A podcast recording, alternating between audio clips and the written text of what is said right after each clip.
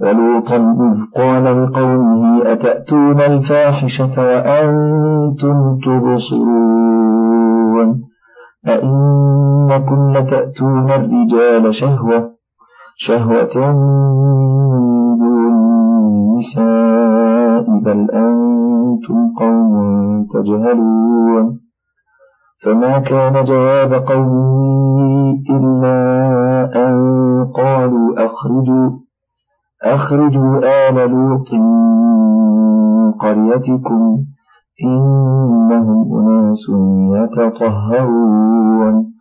فأنجيناه وأهله إلا امرأته قدرناها قدرناها من الغابرين وأمطرنا عليهم مطرا فساء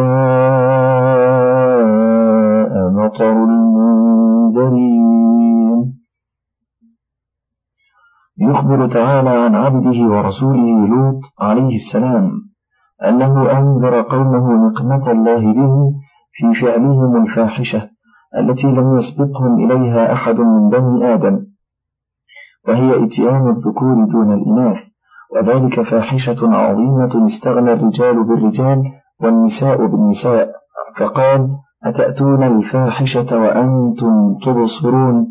أي يرى بعضكم بعضا وتأتون في ناديكم المنكر؟ أئنكم لتأتون الرجال شهوة من دون النساء بل أنتم قوم تجهلون. أي لا تعرفون شيئا لا طبعا ولا شرعا كما قال في الآية الأخرى أتأتون الذكران من العالمين وتذرون ما خلق لكم ربكم من أزواجكم؟ بل أنتم قوم عادون. فما كان جواب قومه إلا أن قالوا أخرجوا آل لوط من قريتكم إنهم أناس يتطهرون. أي يتحرجون من فعل ما تفعلونه ومن إقراركم على صنيعكم فأخرجوهم من بين أظهركم فإنهم لا يصلحون لمجاورتكم في بلادكم. فعزموا على ذلك فدمر الله عليهم وللكافرين أمثالها. قال الله تعالى فأنجيناه وأهله إلا امرأته قدرناها من الغابرين أي من الهالكين مع قومها لأنها كانت ردءا لهم على دينهم وعلى طريقتهم في رضاها بأفعالهم القبيحة. فكانت تدل قومها على ضيفان لوط ليأتوا إليهم لا أنها كانت تفعل الفواحش. تكريمة لنبي الله صلى الله عليه وسلم لا كرامة لها.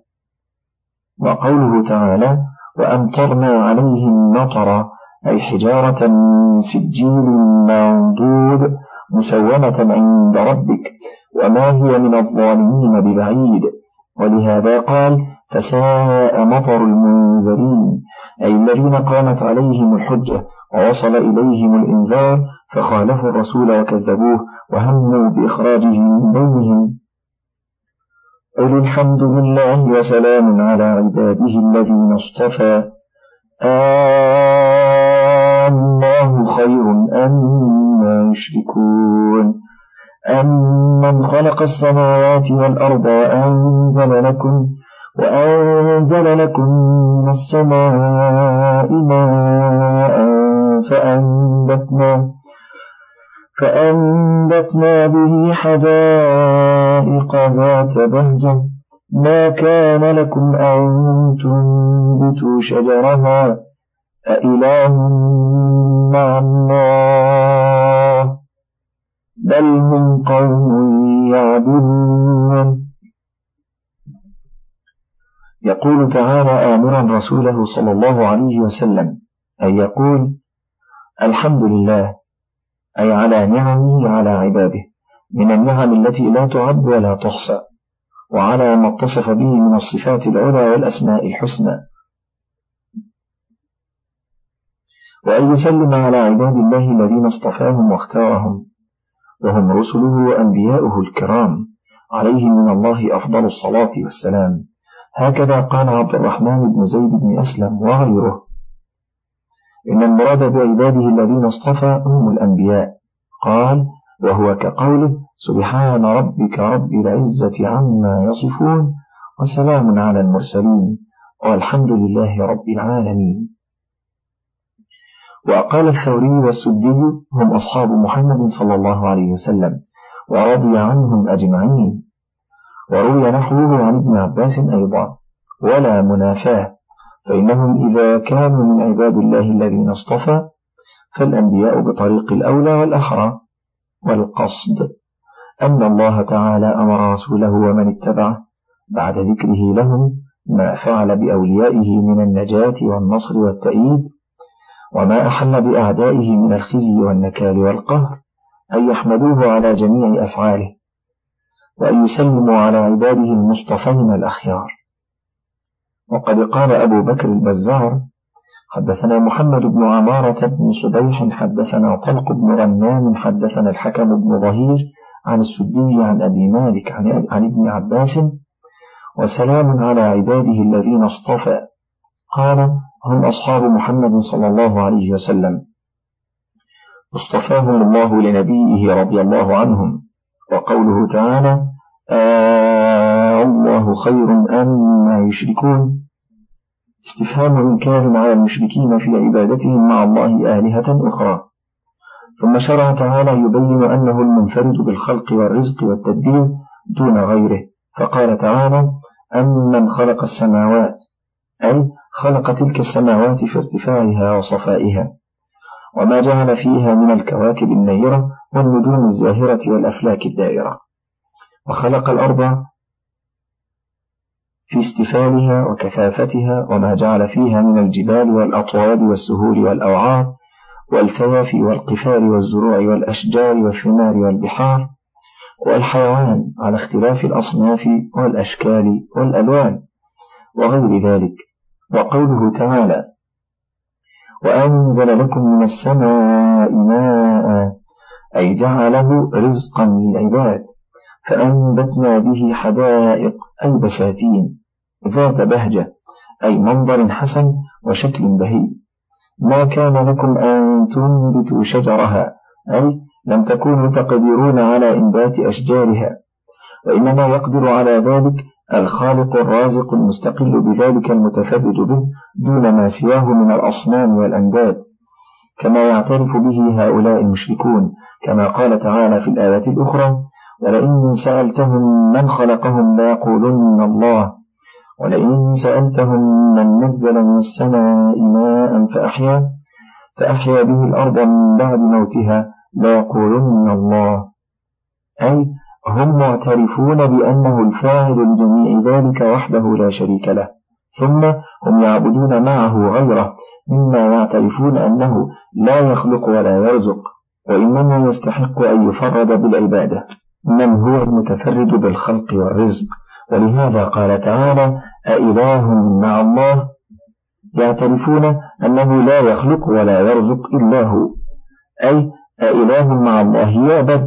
وقد تبين لكم ولكل ذي لب مما يعترفون به أيضا أنه الخالق الرازق.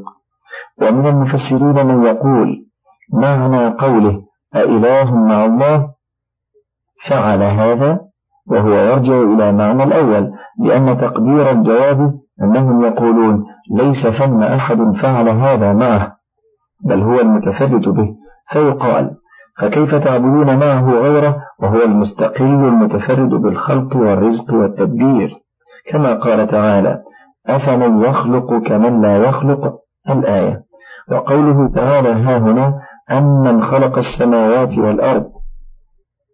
أمن في هذه الآيات كلها تقديره أمن يفعل هذه الأشياء كمن لا يقدر على شيء منها هذا معنى السياق وإن لم يذكر الآخر لأن في قوة الكلام ما يرشد إلى ذلك. وقد قال الله تعالى آه الله خير أما يشركون. ثم قال في الآية الأخرى بل هم قوم يعدلون أي يجعلون لله عدلا ونظيرا. وهكذا قال تعالى أمن هو قانت آناء الليل ساجدا وقائما يحذر الآخرة ويرجو رحمة ربه. أي أمن هو هكذا كمن ليس كذلك.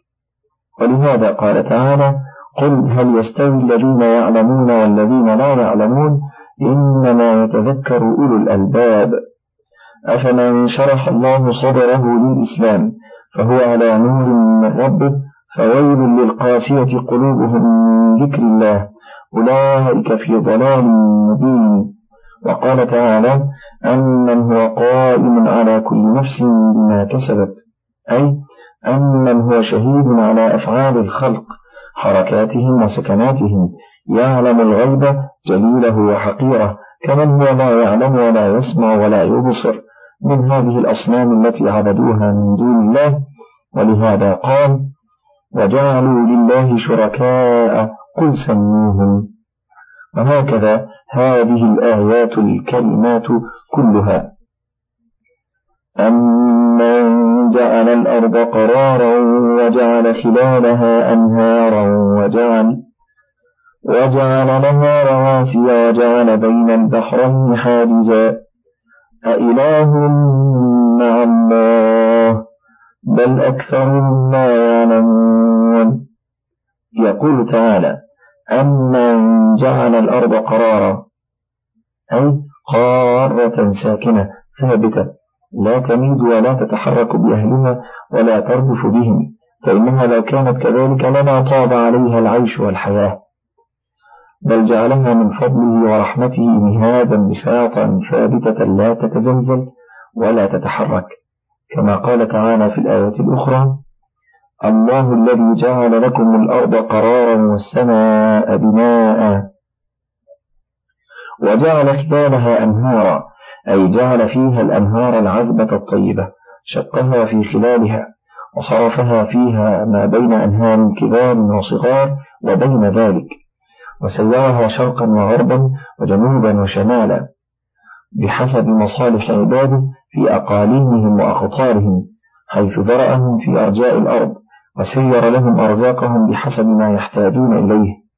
وجعل لها رواسي أي جبالا شامخة ترسي الأرض وتثبتها لئلا تمد بكم. وجعل بين البحرين حاجزا أي جعل بين المياه العذبة والمالحة حاجزا أي مانعا يمنعها من الاختلاط لئلا يفسد هذا بهذا وهذا بهذا. فإن الحكمة الإلهية تقتضي بقاء كل منهما على صفته المقصودة منه فإن البحر الحلو هو هذه الأنهار السارحة الجارية بين الناس والمقصود منها أن تكون عذبة زلالا يسقي الحيوان والنبات والثمار والبحار المالحة هي المحيطة بالأرجاء والأقطار من كل جانب والمقصود منها أن يكون ماؤها ملحا أجاجا لئلا يفسد الهواء لئلا يفسد الهواء بريحها كما قال تعالى وهو الذي مرج البحرين هذا عذب فرات وهذا ملح أجاج وجعل بينهما برزخا وحجرا محجورا. ولهذا قال تعالى أإله مع الله؟ أي فعل هذا أو يعبد على القول الأول والآخر. وكلاهما متلازم صحيح. بل أكثرهم لا يعلمون أي في عبادتهم غيره. أمن يجيب المضطر إذا دعاه ويكشف السوء ويجعلكم ويجعلكم خلفاء الأرض. أإله مع الله قليلا ما تذكرون. ينبه تعالى أنه هو المدعو عند الشدائد المرجو عند النوازل كما قال تعالى وإذا مسكم الضر في البحر ضل من تدعون إلا إياه وقال تعالى ثم إذا مسكم الضر فإليه تجأرون وهكذا قالها هنا أما يجيب المضطر إذا دعاه أي من هو الذي لا يلجأ المضطر إلا إليه؟ والذي لا يكشف ضر المضرورين سواه. قال الإمام أحمد أنبأنا عفان أنبأنا وهيب أنبأنا خالد الحذاء عن أبي تميمة الهجيمي عن رجل من بل هجيم قال قلت يا رسول الله إلى ما تدعو قال أدعو إلى الله وحده. الذي إن مسك ضر فدعوته كشف عنك والذي إن أضللت بأرض قفر فدعوته رد عليك. والذي إن أصابتك سنة فدعوته أنبت لك. قال قلت أوصني. قال لا تسبن أحدا ولا تذهبن في المعروف ولو أن تلقى أخاك وأنت منبسط إليه وجهك. ولو أن تفرغ من دلوك في إناء مستقي واتزل إلى نصف الساق فإن أبيت فإلى الكعبين. وإياك وإسبال الإزار فإن إسبال الإزار من المخيلة وإن الله لا يحب المخيلة وقد رواه الإمام أحمد من وجه آخر. فذكر اسم الصحابي فقال حدثنا عفان حدثنا حماد بن سلمة حدثنا يونس هو ابن عبيد حدثنا عبيدة الهجيمي. عن أبيه عن أبي تميمة الهجيمي. عن جابر بن سليم الهجيمي قال أتيت رسول الله صلى الله عليه وسلم وهو محتد بشملة وقد وقع هدبها على قدميه فقلت أيكم محمد رسول الله؟ فأومأ بيده إلى نفسه فقلت يا رسول الله أنا من أهل البادية وفي جفاؤهم فأوصني. قال لا تحقرن من المعروف شيئا ولو أن تلقى أخاك ووجهك منبسط ولو أن تفرغ من دلوك في إناء مستقي. وإن امرؤ شتمك بما يعلم فيك فلا تشتم بما تعلم فيه فإنه يكون لك أجره وعليه وزره.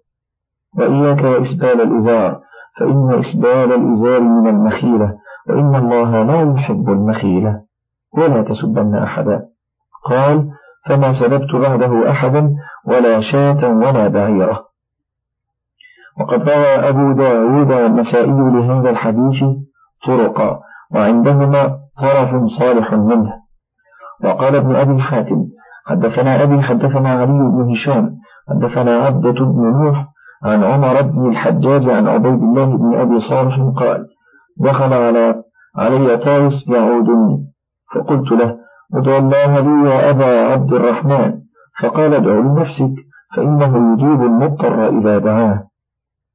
وقال وهب بن منبه قرأت في الكتاب الأول إن الله تعالى يقول بعزتي إنه من اعتصم بي فإن كادته السماوات بمن فيهن والأرض بمن فيهن فإني أجعل له من بين ذلك مخرجا.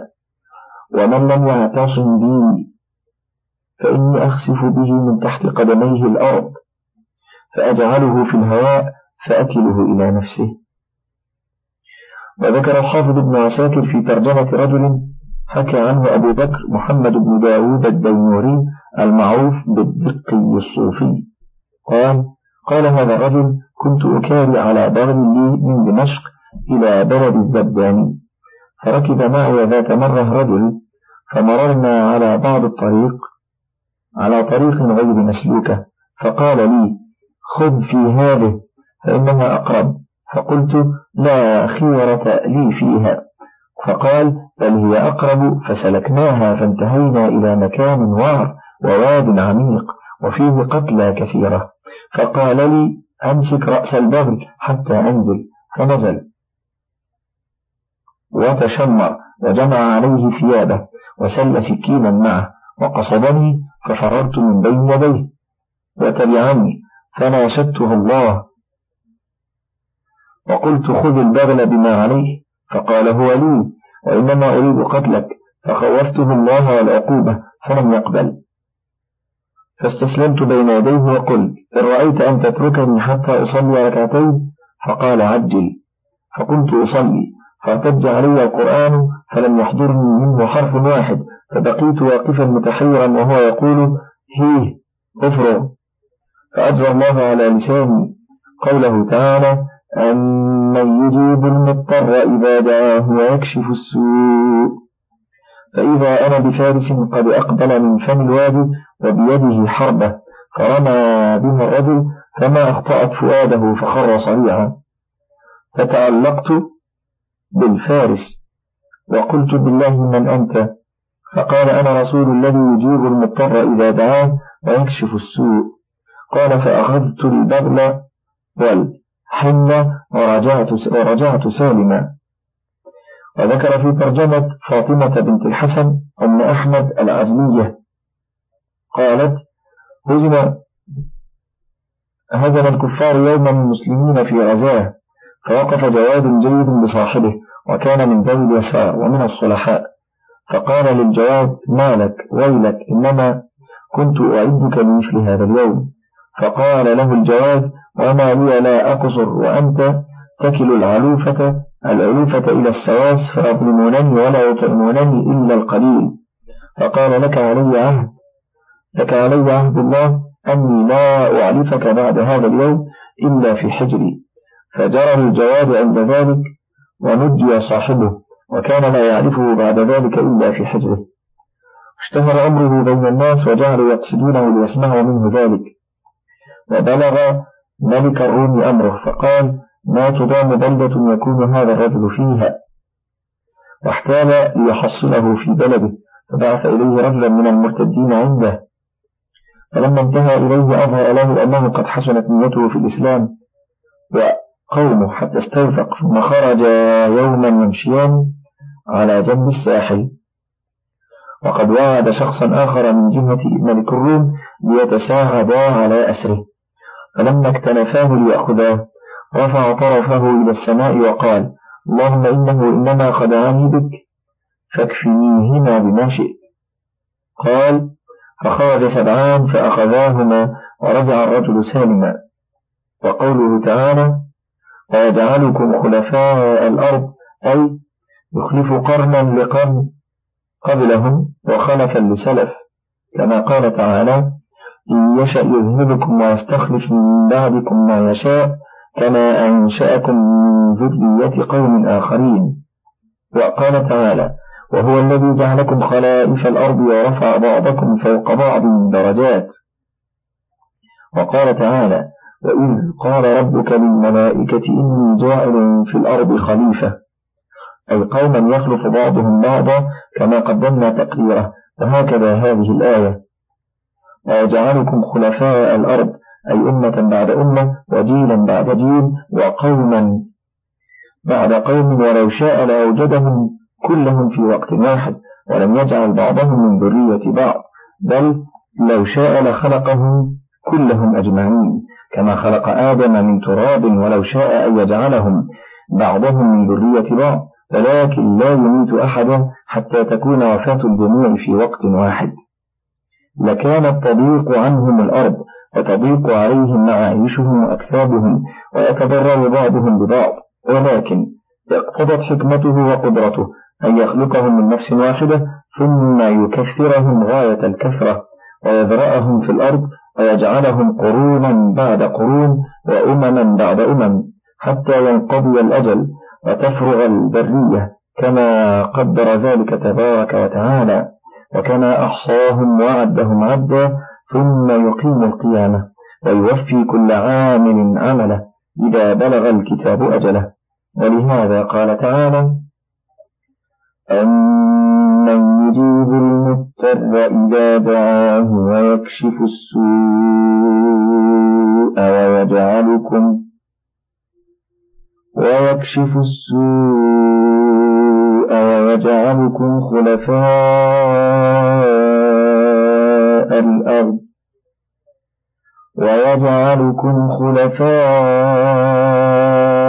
الأرض أإله مع الله. أي يقدر على ذلك. أو إله مع الله. بعد هذا وقد علم أن الله هو المتفرد بفعل ذلك وحده لا شريك له.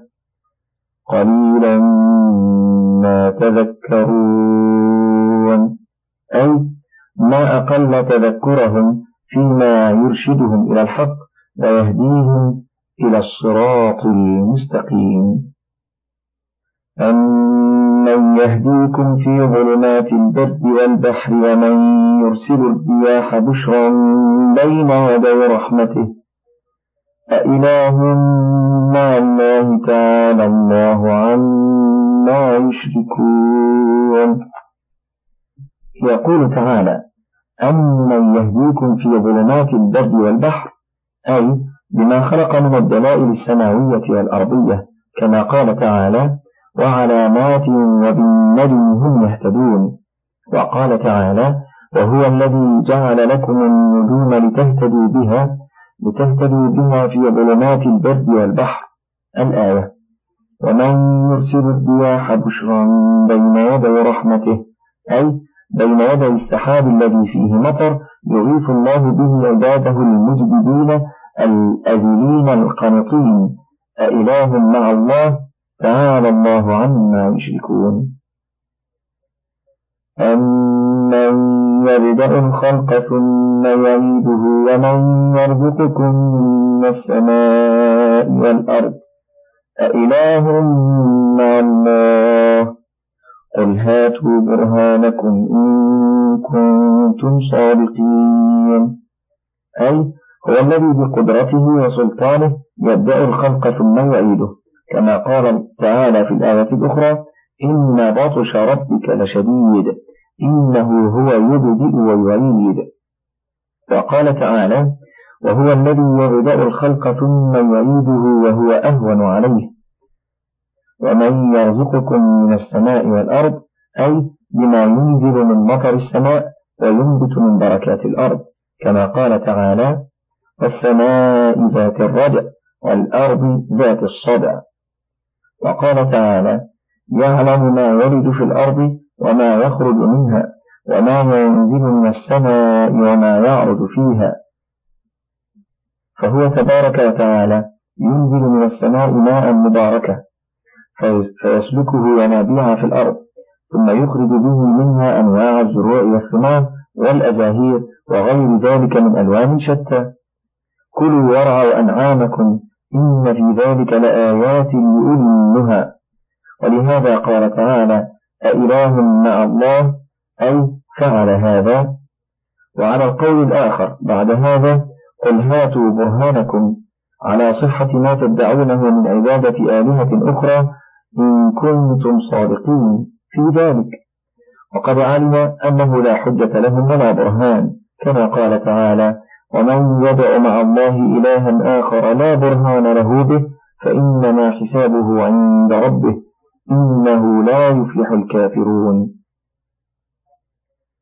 قل لا يعلم من في السماوات والأرض الغيب إلا الله وما يشعرون أيان يبعثون. بل ادارك علمهم في الآخرة بل هم في شك منها بل هم منها عمون. يقول تعالى آمرا رسوله صلى الله عليه وسلم أن يقول معلما لجميع الخلق أنه لا يعلم أحد من أهل السماوات والأرض الغيب إلا الله.